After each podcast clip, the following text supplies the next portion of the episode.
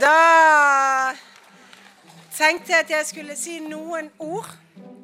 I åtte år så har Erna Solberg regjert i Norge sammen med KrF, Venstre og Frp, som har gått litt inn og ut av regjeringsdørene. Jeg har gjennom mange år sagt at vi ønsker en så bred borgerlig regjering som mulig. Og jeg har vært tydelig på at uansett hvem som går i regjering, så skal en ny regjering baseres på et samarbeid mellom disse fire partiene. Men nå ser det ut til at det borgerlige prosjektet kan ta slutt. For pilene på meningsmålingene peker nedover. Hvorfor svikter velgerne Erna Solberg og hennes prosjekt? Og er det fortsatt en mulighet til å redde seg inn? Du hører på Forklart fra Aftenposten, og jeg er Marit Eriksdatter Gjelland. I dag er det tirsdag 29. juni.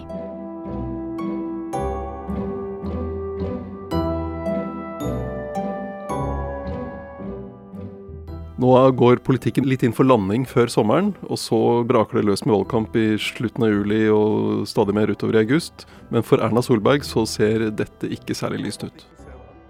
Kjetil Alstadheim er politisk redaktør her i Aftenposten, og var en av mange journalister som hang rundt Erna Solberg og spiste jordbær før helga.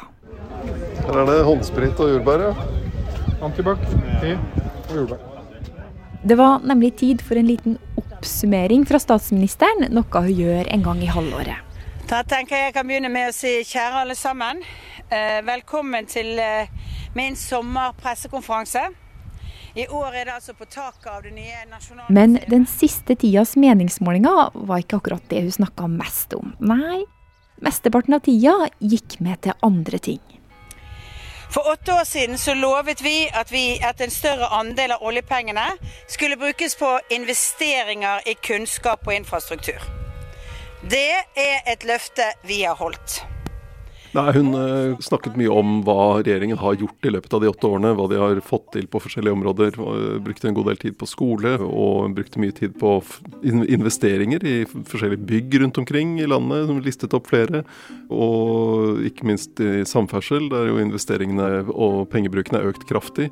Så det var, det var mye den type ting som hun eh, viste til, og, og en del reformer som de har satt i gang, og hvordan hun da ønsker å, å fortsette å på en måte gjennomføre dem. Så det var også noe av hennes poeng, at du, det, er, det er ikke bare det at du vedtar en reform, du, må, du ser ikke effekten av den før den er gjennomført over tid og fulgt opp. Så en liten skryteliste, rett og slett. En eh, ikke så veldig liten heller. Men alt det her ser det ikke ut til at velgerne har fått med seg. Eller kanskje har de det, men i så fall så er de ikke så veldig interessert. Hadde det vært valg i dag, så hadde ni Høyre-politikere røket ut av den gullforgylte stortingssalen. Og partiene Erna Solberg og Høyre vil samarbeide med, altså Frp, Venstre og KrF, ser ut til å miste plasser også de i salen. For på meningsmålingene så ligger faktisk de borgerlige an til å kapre 24 færre stortingsplasser enn ved forrige valg. Og det er langt unna noe stortingsflertall. Men sånn har det ikke vært hele tida. Hvis vi ser denne stortingsperioden, disse fire årene under ett, så holdt Høyre ganske lenge et eh, ganske godt nivå. og Så falt de litt, grann, eh, falt de en del i 2019. eh, Men så har det gått bedre for Høyre en stund. For etter at Erna Solberg sa det her, I dag kommer regjeringen med de sterkeste og mest inngripende tiltakene vi har hatt i Norge i fredstid. Så ble plutselig Høyre mer populær blant velgerne. Og det er også egentlig litt typisk i krisa, at folk støtter opp rundt dem som leder landet. Men så begynte det å snu. Det Erna Solberg har pekt på selv, er at det er vanskeligere å åpne opp enn å stenge ned. Kjære alle sammen. eh, Vi varsler nå at vi denne uken starter gjenåpningen for store deler av Norge. Der har hun et poeng, hvis vi ser på alle de debattene som har vært denne våren. Rundt regler, hvor mye ekstra vaksiner skulle man gi til Oslo og de andre områdene der det har vært høy smitte over lang tid. Og skal man ha koronasertifikat, hva skal det, i så fall brukes til? Eh, Skulle politikere eh, komme foran i vaksinekøen? Eh, En, en del sånne vanskelige debatter som eh, sannsynligvis har slitt på eh, å bidra til å ta vekk det pandemitillegget, da, krisetillegget som Høyre hadde en stund. Og med drøye fire måneder igjen til valget er det endringer i eh, toppen. For eh, første gang på over ett år er Arbeiderpartiet landets største parti på målingen, som er gjort av Norstat for NRK og Aftenposten. Koronaåret ble kanskje ikke det beste året å gå inn i valg på for regjeringspartiene. Men Erna Solberg og resten av hennes politiske samarbeidspartnere hadde også problemer før den tid. Og det handla om noe helt annet.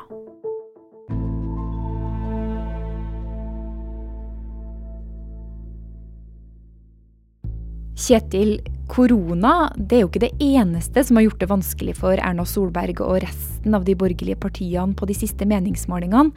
En annen forklaring dreier seg om det som skjer utenfor Oslo-gryta.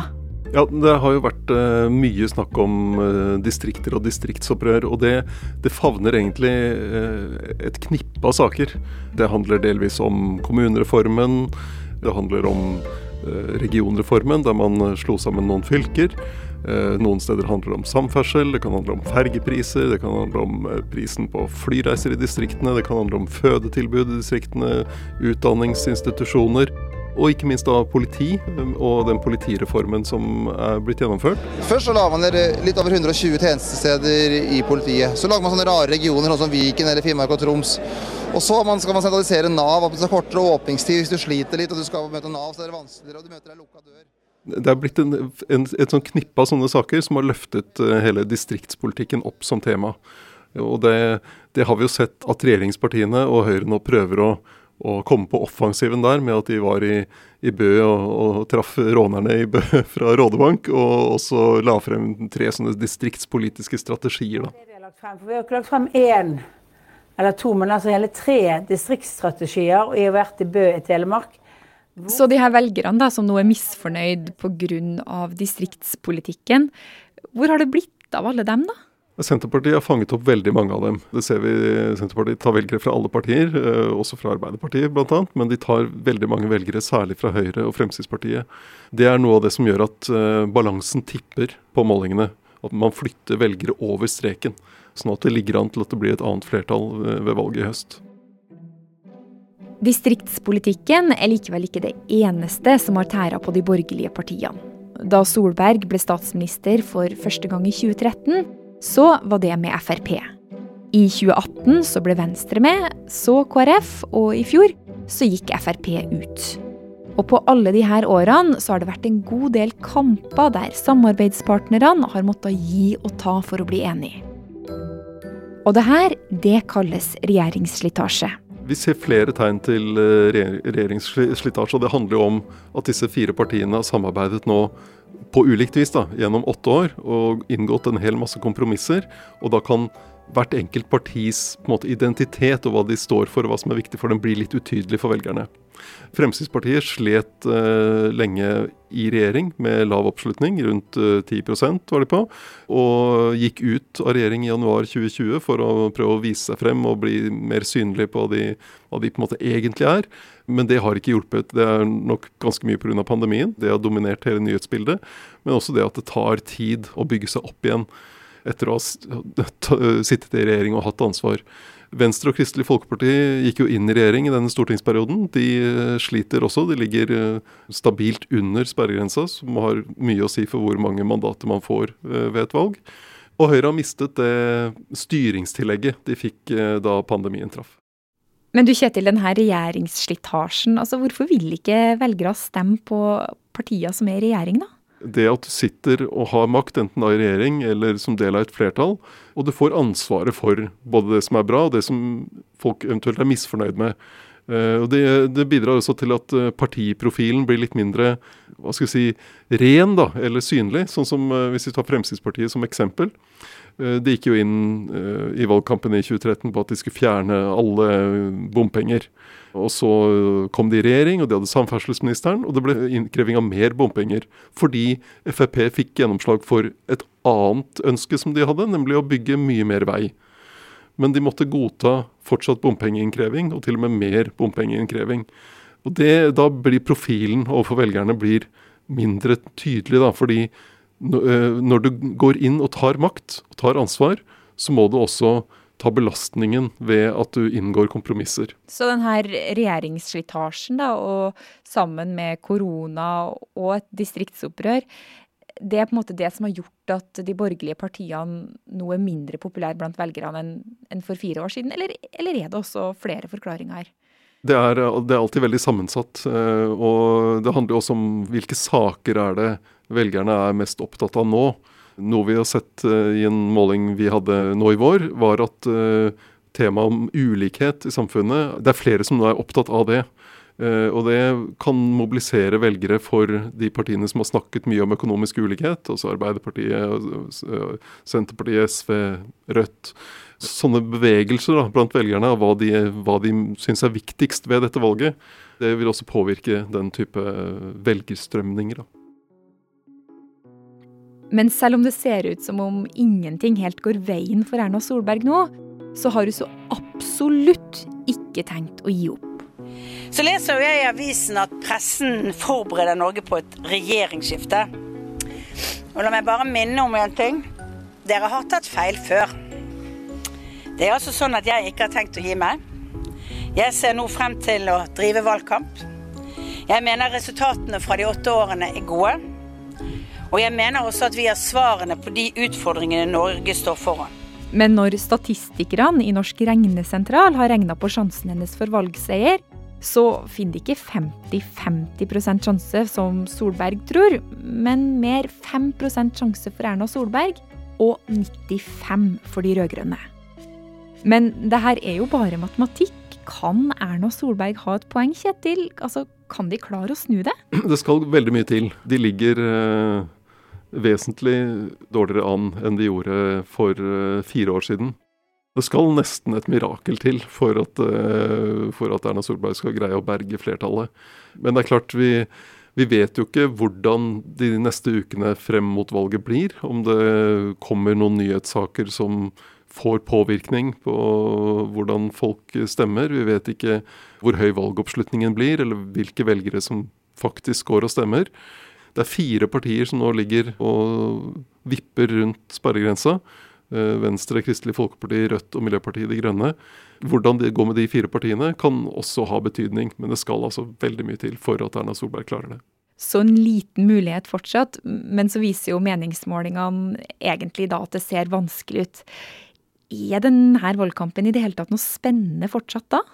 Jeg tror det minst spennende er eh, om det blir et eh, skifte av flertall eller ikke. Men det er klart, det, det, pleier å, å, nærme seg, altså at de ulike sidene nærmer seg litt mer når valgkampen går mot slutten. Så det kan bli mer spennende enn det ser ut til nå. Og så er det fortsatt veldig spennende hva som blir alternativet på rød-grønn side. Hva slags regjering er det landet får i stedet for Erna Solbergs regjering. Så det her valget handler mer om hvem som skal styre landet på rød-grønn side, enn om det blir rødt eller blått? Jeg tror nok det er ganske sikkert at det blir Arbeiderpartileder Jonas Gahr Støre som blir statsminister. Men spørsmålet er hvilke partier er det som kommer til å sitte i hans regjering?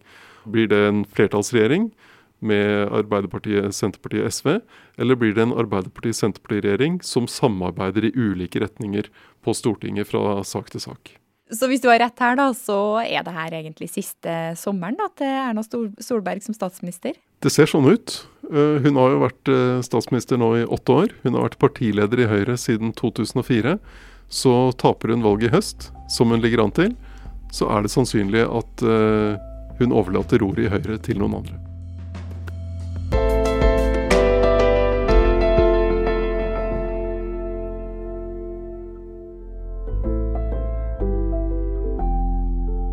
Denne episoden var laga av produsent Fride Nesten Onsdag og meg, Marit Eriksdatter Gjelland. Resten av Forklart er Ina Swann, Anne Lindholm og Guri Leiel Skedsmo. Du har hørt lyd fra regjeringen.no, NRK og VG.